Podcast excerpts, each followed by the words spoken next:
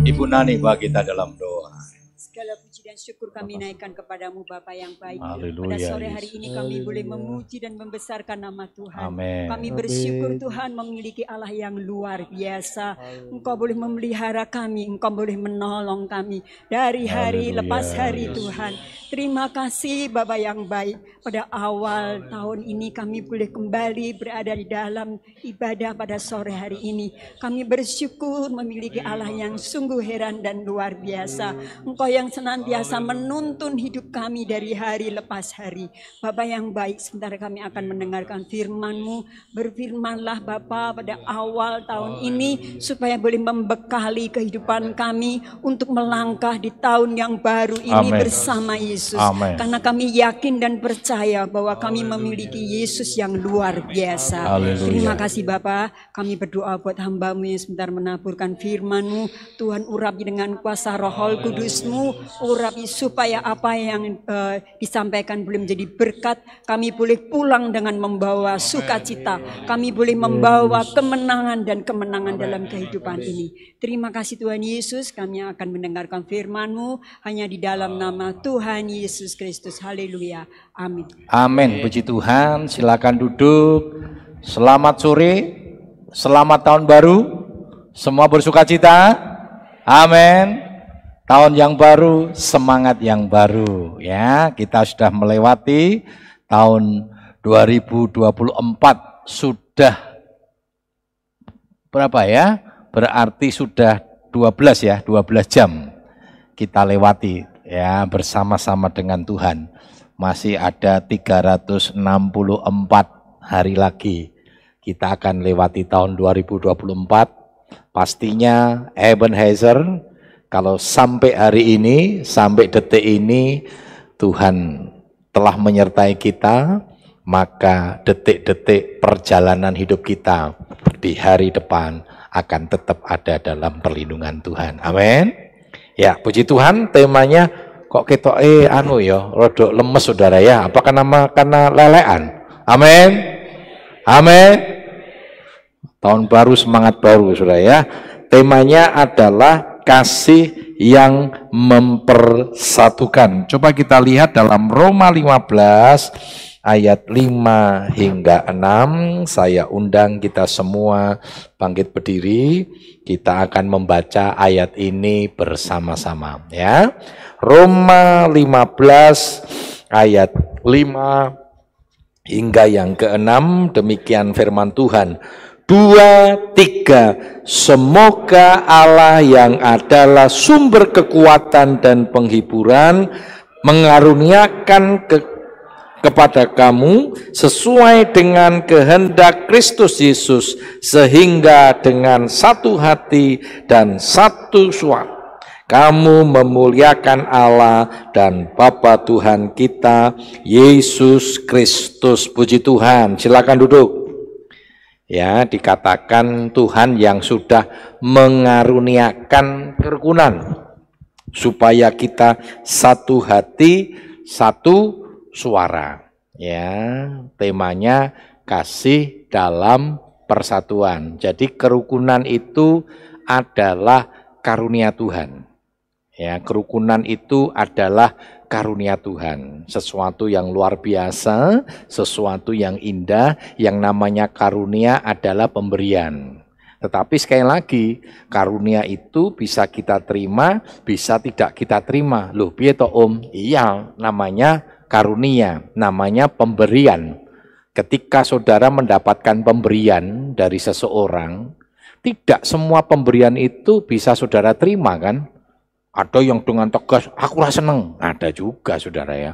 Ada yang juga ditompo ning ora dinggu karena ora cocok. Tetapi ada yang diterima dengan ucapan syukur dipakai dan bahkan merasa bahwa pemberian ini adalah sesuatu yang sangat berharga sehingga pemberian itu menjadi sebuah catatan dalam hidupnya karena pemberian itu adalah sesuatu yang indah itulah karunia Saudara.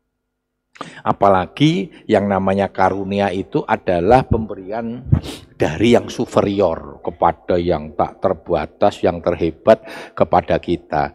Nah, bukan hanya keselamatan, tetapi juga kerukunan. Nah, kerukunan itu bisa terpelihara apabila kita senantiasa ada dalam satu hati dan satu suara. Nah, bagaimana? Tidak mudah, saudara. Ya, satu hati satu suara itu tidak mudah di tengah perbedaan. Makanya semboyan eh, apa? Semboyan kita ya, negara kita bineka tunggal ika, berbeda-beda tetapi satu jua. Memang Tuhan menciptakan kita berbeda-beda, ya. Bisa bayangkan kalau Tuhan menciptakan manusia modelnya podo kabeh kaya saya, Saudara. Wah, membosankan, Saudara ya. Makanya sering kali dalam konseling pranika, saya tanya saudara, sering kali saya tanya ya, kenapa kok kamu milih si A ini menjadi suamimu? Satu, karena baik om. Lu nek meng baik wong lanang sing baik kan banyak saudara ya, betul kan? Cantik om, ganteng om, nek ganteng tok yo oke. Banyak saudara, tetapi itu yang dikatakan apa yang sudah dipersatukan Tuhan tidak boleh dipisahkan oleh manusia. Kenapa? Ada keterlibatan Tuhan di dalamnya. Amin. Karena itu kita harus menghargai yang namanya perkawinan. Tidak mudah. Ya, tidak gampang. Dan makanya sering kali kalau mau menentukan pilihan kan banyak berdoa, saudara. Apalagi saudara kembang desa, sing lamar oke, ono sing bayat, ono sing camat, ono sing lurah gitu ya.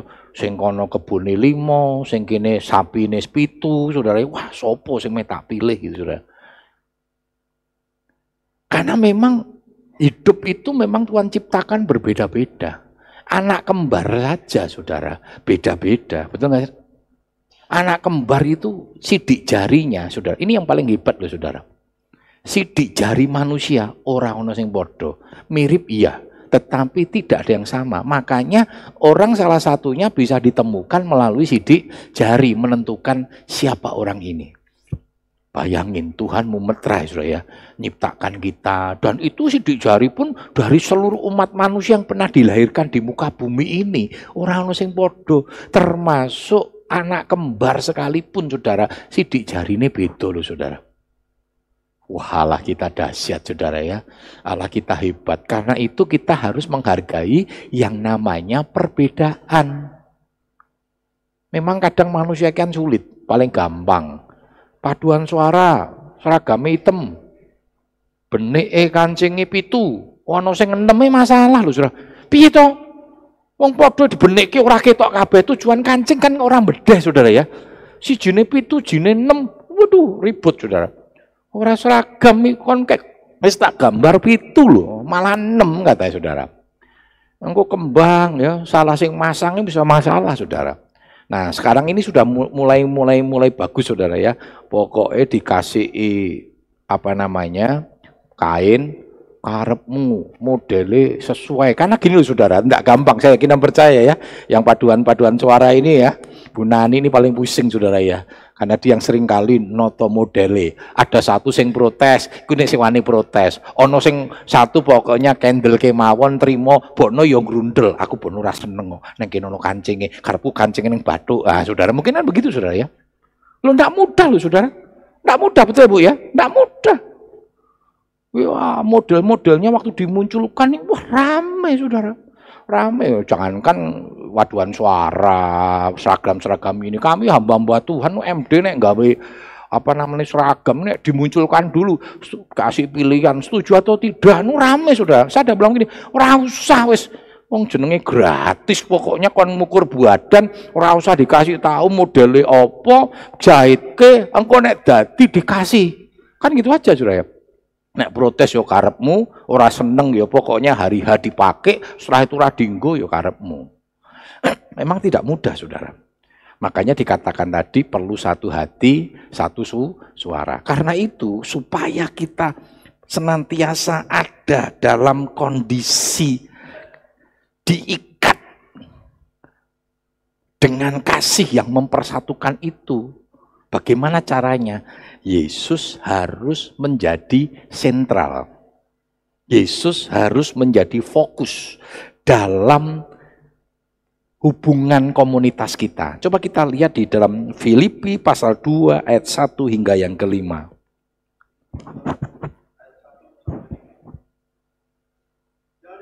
Dalam Kristus ada nasihat, ada penghiburan kasih, ada persekutuan roh, ada kasih mesra dan belas kasihan. Karena itu, sempurnakanlah sukacitaku dengan ini. Hendaklah kamu sehati sepikir, dalam satu kasih, satu jiwa, satu tujuan. Dengan tidak mencari kepentingan sendiri atau puji-pujian yang sia-sia.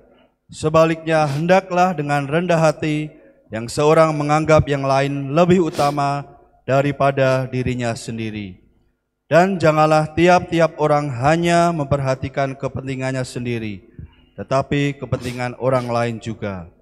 Hendaklah kamu dalam hidupmu bersama menaruh pikiran dan perasaan yang terdapat juga dalam Kristus Yesus. Perhatikan saudara, salah satu cara supaya kita selalu diikat di dalam kebersamaan, di dalam persatuan, yaitu kita harus menjadikan Tuhan itu sentral.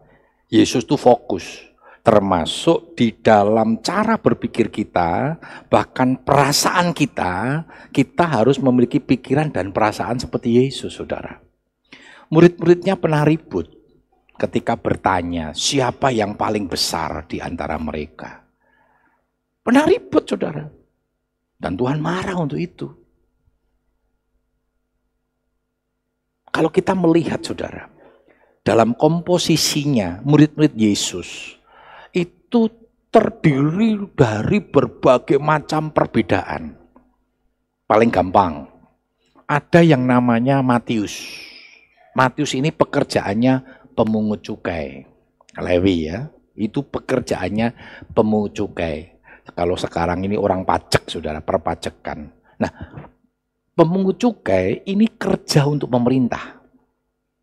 Dia kerja untuk kaisar. Lalu di pihak lain ada murid Yesus yang bernama Simon dari Selot. Ada Simon Petrus, tapi ada Simon dari Selot. Selot ini bukan tempat, tetapi Selot ini nama kelompok. Selotis, kelompok, golongan, partai gitu saudara ya. Nah kalau di kita ini partainya partai nasionalis. Partai nasionalis partai yang sering kali membela rakyat. Nah ini biasanya akan bertentangan dengan kebijakan-kebijakan pemerintah yang memberatkan rakyat. Dan Selotis ini, kelompok Selotis selalu berjuang karena pada waktu itu juga kita tahu bangsa Israel itu dijajah oleh suku uh, bangsa Romawi. Dan kaum Selotis ini yang selalu melawan penjajahan itu. Nah saudara kalau kita lihat, ini ribut secara ideologi antara Lewi Matius dengan Simon Selot pasti ribut saudara. Ada Yakobus, ada Petrus, Yohanes Yakobus ini sama-sama nelayan. Tapi bedanya sudah, Yakobus Yohanes nelayan tetapi yang nelayan berhasil sukses. Kenapa? Nanti kalau kita lihat di dalam catatan firman Tuhan dikatakan Yohanes Yakobus itu dia punya banyak tenaga, punya banyak buruh. Beda dengan Petrus. Petrus ini nelayan ya nelayan kecil, nelayan untuk dirinya sendiri. Makanya jangan heran ya, sering kali Petrus ini sifatnya reaktif Cara berpikirnya sederhana sekali. Nanti kalau kita lihat surat Petrus dengan suratnya Paulus beda, saudara. Cara berpikirnya Petrus itu reaktif sekali. Nah tapi kita lihat saudara, mereka bisa dipersatukan. Kenapa? Fokusnya Yesus, itu yang Yesus tegur. Juga dalam hidup kita saudara. Di dalam komunitas, komunitas kita, di dalam hidup bersama. Hidup bersama ini banyak saudara. Suami istri, Suami istri kalau tidak menjadikan Yesus fokus, ribut. Karena kita punya ego masing-masing. Kita punya kultur yang berbeda-beda, sama-sama dari Jawa misalnya. Kita punya kultur yang berbeda, budaya yang berbeda, sing satu di apa namanya budaya dari keluarga yang berbeda, cara dididik keluarga yang berbeda, betul nggak saudara? Seringkali saat dalam dalam rangka berguru, saudara ya. Contohnya paling gampang, ketika menghadapi anak panas, yang istri biasa mamanya, kita sering kali kan apa namanya salah satu budayanya budaya dari orang tua kita ya. Dari sejak dulu kita tahu ketika anak kita panas, mamahnya ke berambang di kek neudel. Ya kan? Yang suami dulu anaknya panas ke jahe, jahe di kek ne batu. Begitu anaknya panas sang istri bilang, "Berambang." Suami, "Ora, jahe, berambang jahe, berambang jahe." Wah, Saudara, anaknya wis setep sih berambang jahe, berambang jahe. Wes ngene nek ngono kita anu voting sih, voting. Walah, Saudara, selak mati itu anak, Saudara. Loh, kelihatannya sederhana loh, Saudara. Makanya sering kali konflik-konflik yang terjadi dalam rumah tangga itu bukan konflik yang besar sebenarnya. Nah, ketika ego itu kita tidak menjadikan sentral itu Yesus, berantakan. Dalam kebersamaan kita di gereja juga sama. Panitia ini nggak mudah, saudara. Makanya sering kali saya nggak mau rapat pokoknya tak biar no kono panitia rapat nanti sebelum dilaksanakan ketuanya yang akan lapor ke saya melaporkan hasil rapatnya dan saya prinsipnya begini saudara saya tidak mau terlalu ambil apa mempengaruhi saudara selama itu masih ya bagi saya hanya kalau budaya apa e, mungkin cara apa ya cara pandang yang sedikit berbeda nggak apa-apa saya nggak pernah nggak pernah mengkat kecuali sesuatu yang betul-betul itu saya pikir secara etis, secara firman Tuhan itu bertentangan, maka saya akan akan ambil tindakan. Selama itu tidak, nggak masalah. Hari ini memang nopo yo karepmu. Wah, tenang sudah, ada kabar gembira. Tadi datang, kenapa kok parkirnya di sana? Karena tempatnya dipakai untuk prasmanan, saudara ya. Nah, saya nggak tahu, saya nggak mau tanya, kalau ditanya, om aku senengnya apa? Bakmi godok. Kayak sudah gitu saudara ya. Mosok aku bakmi godok. Wah nyatek geni dulu saudara. Dan saya nggak tahu, saya baru tanya tadi saudara. Saya tanya sama yang, Bu, ini apa bu? Oh, soto laksa pak. Oh iya, rapopo saudara. Wah, kusun, aku seneng, seneng kuliwet. Ya rapopo, sing penting dicicipi besok ke Solo beli nasi liwet. Dan gitu saudara, yuk. Oh, jadi perlalah apa? Nah, bayangin soal di voting ya. Wah, panitia bisa jungkir balik, sudah. Tolong Bapak Ibu Saudara, nanti tanggal 1 Januari kita akan adakan perjamuan kasih. Tolong berikan masukan. Ono sing liwet, ono sing gudeg, ono sing tumpang koyor. Bayangin Saudara ya, pusing. Prinsipnya pokoknya semuanya hanya untuk kemuliaan Tuhan. Saya pernah sampaikan toh, kami di kota Solo pernah rame panitia. Masalah konsumsi mae kadang mae bludrik saudara ya. Wah ribut saudara. Jini lumpia, jini sosis. Lumpia, sosis, lumpia, sosis gitu. Saya tahu, wong di Solo itu kan waktu itu belum ada gereja, jadi ibadahnya di rumah. Di ruang tamu, saya ada di kamar, saya dengar saudara. Tapi saya nggak mau keluar, biarkan aja, biarkan mereka belajar memanage konflik kan gitu saudara ketuanya Raiso, sampai rame, ndak selesai-selesai masalah sosis, lumpia, sosis, lumpia, akhirnya istri saya masuk, pih, kue metu to, rame nih, masalah sosis sama lumpia aja bisa perang dunia ketiga loh. Saya langsung keluar, saudara. Saya tanya begini, ada apa toh? Rame. Bagus pilih mana? Uh, dengan wajah yang garang, saudara. Gembalanya getak ya, saudara. Bagus sosis atau lumpia? Kami sosis, mereka lumpia. Nah, loh saudara? Nek saya pilih sosis, sing kelompok lumpia akan keluar. Pak Agus pilih kasih, mendukung sosis. Nek saya pilih lumpia, kelompok sosis akan keluar. Pak Agus mendukung lumpia. Kita kelompok lumpia, buat sendiri. GPDI Jemaat Lumpia. Nah loh kono, bubar-bubar saudara. Lalu saya ditanya, bagus pilih apa? Peta kompli saudara gembalane. Saya langsung ngomong begini, saya pilih lemper. Nah, tak tinggal masuk lagi menang. Ya wis lemper wae. Nah lho. Meh lumpia, meh meh lemper, padha wae. Rasane meng delok tok ning gulu to Saudara, bar ngono dadine ya padha. Meh sosis, meh lemper, meh lumpia kan dadine padha kabeh. Ngono kok ribut. Gara-gara ngono pecah. Ada GPDI jemaat lumpia, ada GPDI jemaat sosis.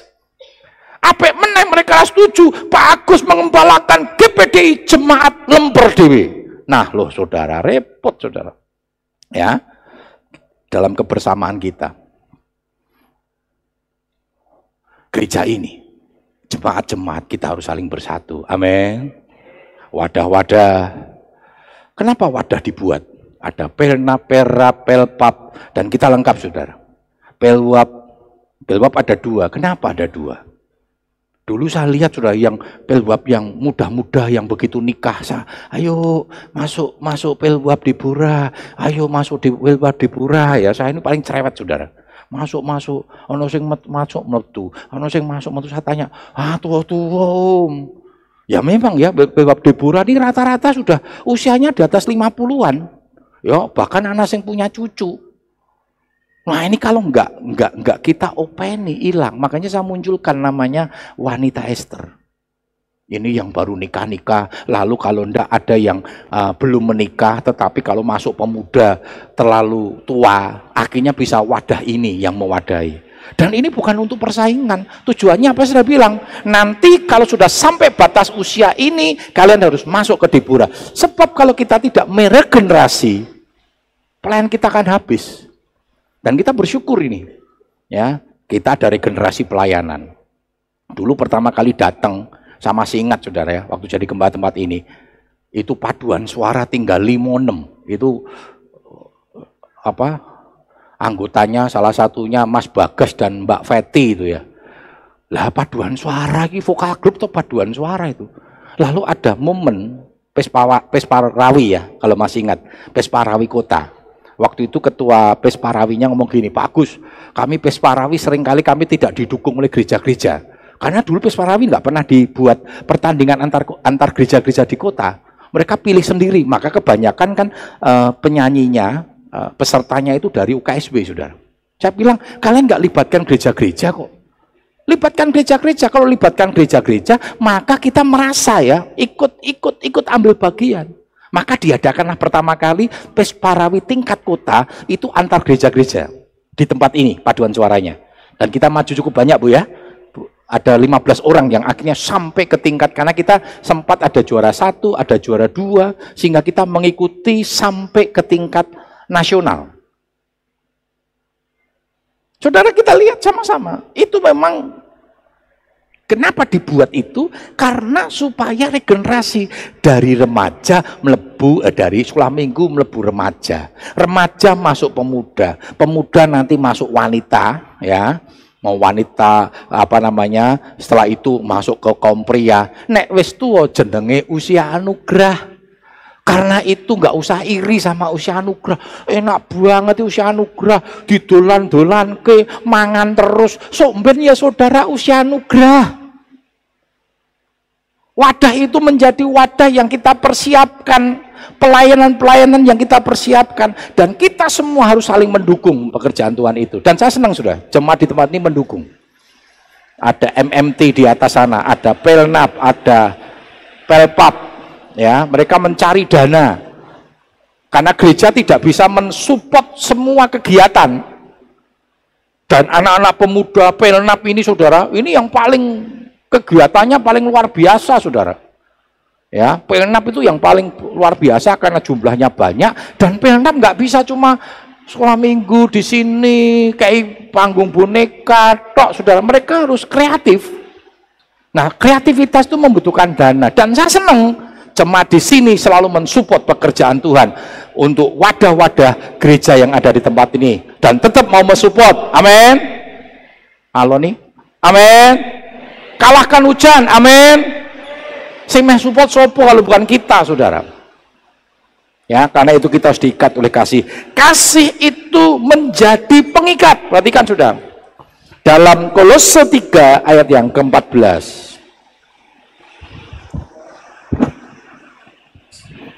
Dan di atas semuanya itu, kenakanlah kasih sebagai pengikat yang mempersatukan dan dan menyempurnakan. Kasih itu mengikat. Kita hanya bisa diikat oleh kasih. Mempersatukan dan menyempurnakan. Hubungan suami istri, kalau tidak ada kasih, nggak bisa diikat, saudara. Kasih itulah yang mengikat. Dan apa tadi? Mempersatukan dan menyempurnakan sempurnakan. Kenapa tidak sempurna? Saya nggak sempurna, saudara. Ketidaksempurnaan saya disempurnakan oleh Bu Ika. Semua sama di tempat ini nggak ada yang sempurna. Panitia-panitia nggak sempurna, ketua tok nggak bisa, gembala tok nggak bisa. Kalau gereja Siloam itu maju, bukan karena hebatnya gembala, tapi karena jemaat-jemaat di tempat ini, pengurus-pengurus wadah, pengurus-pengurus wadah ibadah, wadah pelayanan bersinergi Jemaat mendukung. Sehingga pekerjaan Tuhan di GPD Siloam semakin maju. Nama Tuhan dipermuliakan. Bukan untuk kebanggaan pribadi. Bukan untuk kebanggaan pendetanya, saudara. Kalau yang dipuji pendeta Timotius Agus Suryanto, saya salah. Saya berdosa di hadapan Tuhan. Saya curi kemuliaan Tuhan. Karena semuanya ini kita lakukan supaya nama Tuhan dipermuliakan. Supaya nama Tuhan diagungkan. Amin.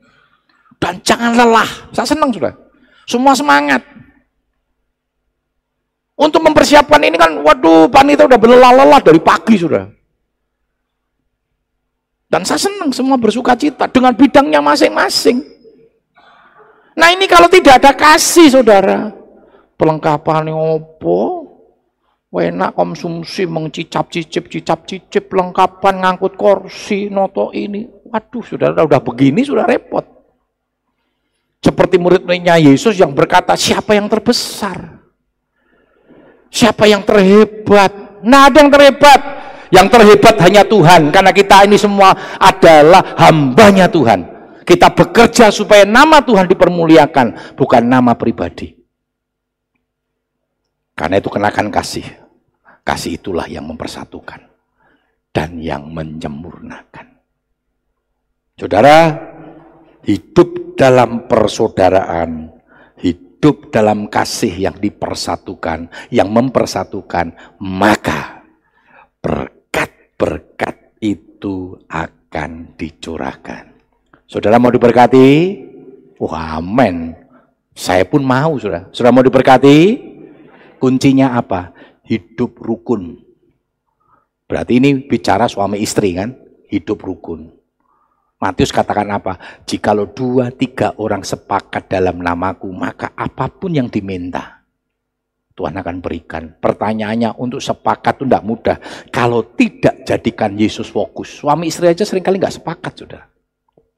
Karena itu jadikan Yesus fokus dalam hidupmu, sentral dalam hidupmu, maka engkau sepakat, ketika engkau rukun sepakat, maka berkat itu dicurahkan. Coba kita lihat Mazmur 133 ayat 1 hingga yang ketiga. Mazmur pasal 133. Persaudaraan yang rukun. Nyanyian siarah Daud. Sungguh alangkah baiknya dan indahnya apabila saudara-saudara diam bersama dengan rukun. Seperti minyak yang baik di atas kepala meleleh ke janggut, yang meleleh ke janggut Harun dan ke leher jubahnya. Seperti embun gunung Hermon yang turun ke atas gunung-gunung Sion, sebab ke sanalah Tuhan memerintahkan berkat kehidupan untuk selama-lamanya. Perhatikan saudara, alangkah indahnya jikalau kita duduk rukun bersama. Seperti minyak yang dicurahkan dari kepala, meleleh ke janggut sampai ke jubah. Artinya berkat itu nggak cuma untuk yang di atas, itu akan terus berpengaruh sampai ke bawah. Kalau gembalanya hidup berkenan, maka berkatnya tercurah sampai kepada jemaat-jemaat, wadah-wadah diberkati. Kalau pelayanan-pelayanan ibadah-ibadah, wadah ibadahmu ingin diberkati, pengurus-pengurus dari Pelna, Pera, Pelpap, Pelwa, Pelprip, usia anugerah. Ketika pengurus-pengurusnya hidup berkenan, rukun, maka berkat itu tercurah dari atas dan terus memberkati sampai ke bawah. Bahkan dikatakan seperti embun dari Hermon. Hermon itu ketika musim-musim begini, dia akan bersalju, saudara. Nanti bulan Maret, akhir pertengahan baru nanti mulai kering. Dan bulan-bulan begini akan bersalju. Dan salju dari Hermon itu ketika mencair akan mengalir ke sungai Yordan. Nanti akhirnya bermuara ke sungai, ke Laut Mati. Laut Mati itu sebenarnya bukan laut saudara. Dia seperti danau yang tetapi besar menampung sehingga kadar, kadar garamnya tinggi sehingga kita kalau di laut mati saudara orang seorang pun kemambang saudara. Saya pernah sampai ke sana. Sudah mau diberkati? Hidup dalam kasih yang mempersatukan kita. Suami istri hidup dalam kasih maka engkau akan diberkati. Pelayanan-pelayanan di tempat ini hidup dalam kasih rukun. Wadah-wadah pelayanan, wadah-wadah ibadah di tempat ini hidup dalam rukun. Tujuannya cuma satu, bukan untuk kebanggaan wadah ibadah. Wah, pelnap gen kita paling apik, remaja gen kita paling apik, pemuda, wanita gen kita paling apik, paling hebat nggak ada, Saudara. Yang betul adalah ketika kita melayani Tuhan bukan pujian pribadi, tetapi nama Tuhan yang dipermuliakan melalui pelayanan kita. Pemimpin pujian, pemain musik, bukan untuk cari kemuliaan. Ketika itu terjadi, saudara, engkau sedang curi kemuliaan. Dan jangan pernah curi kemuliaan Tuhan. Supaya nama Tuhan dipermuliakan. Dan ketika nama Tuhan dipermuliakan, sering kali Tuhan izinkan kita menikmati kemuliaannya. Tetapi jangan diambil. Kembalikan itu untuk Tuhan.